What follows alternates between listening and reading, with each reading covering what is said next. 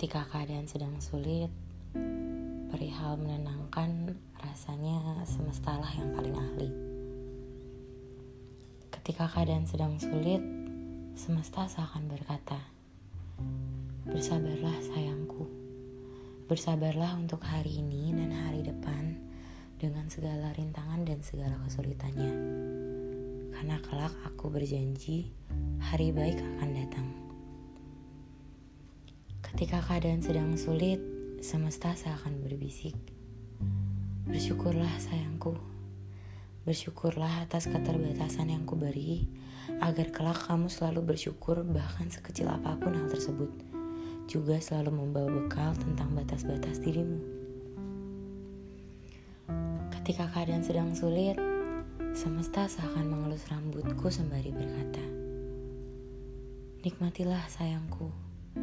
Nikmatilah pahit-pahit ini agar kelak kamu jadi lebih menghargai adanya rasa manis di dunia. Ketika keadaan sedang sulit, semesta menggenggam tanganku sambil berkata, "Saling menguatkanlah kalian, karena dengan saling menguatkan, yang berat sekalipun bahkan tidak ada tandingannya."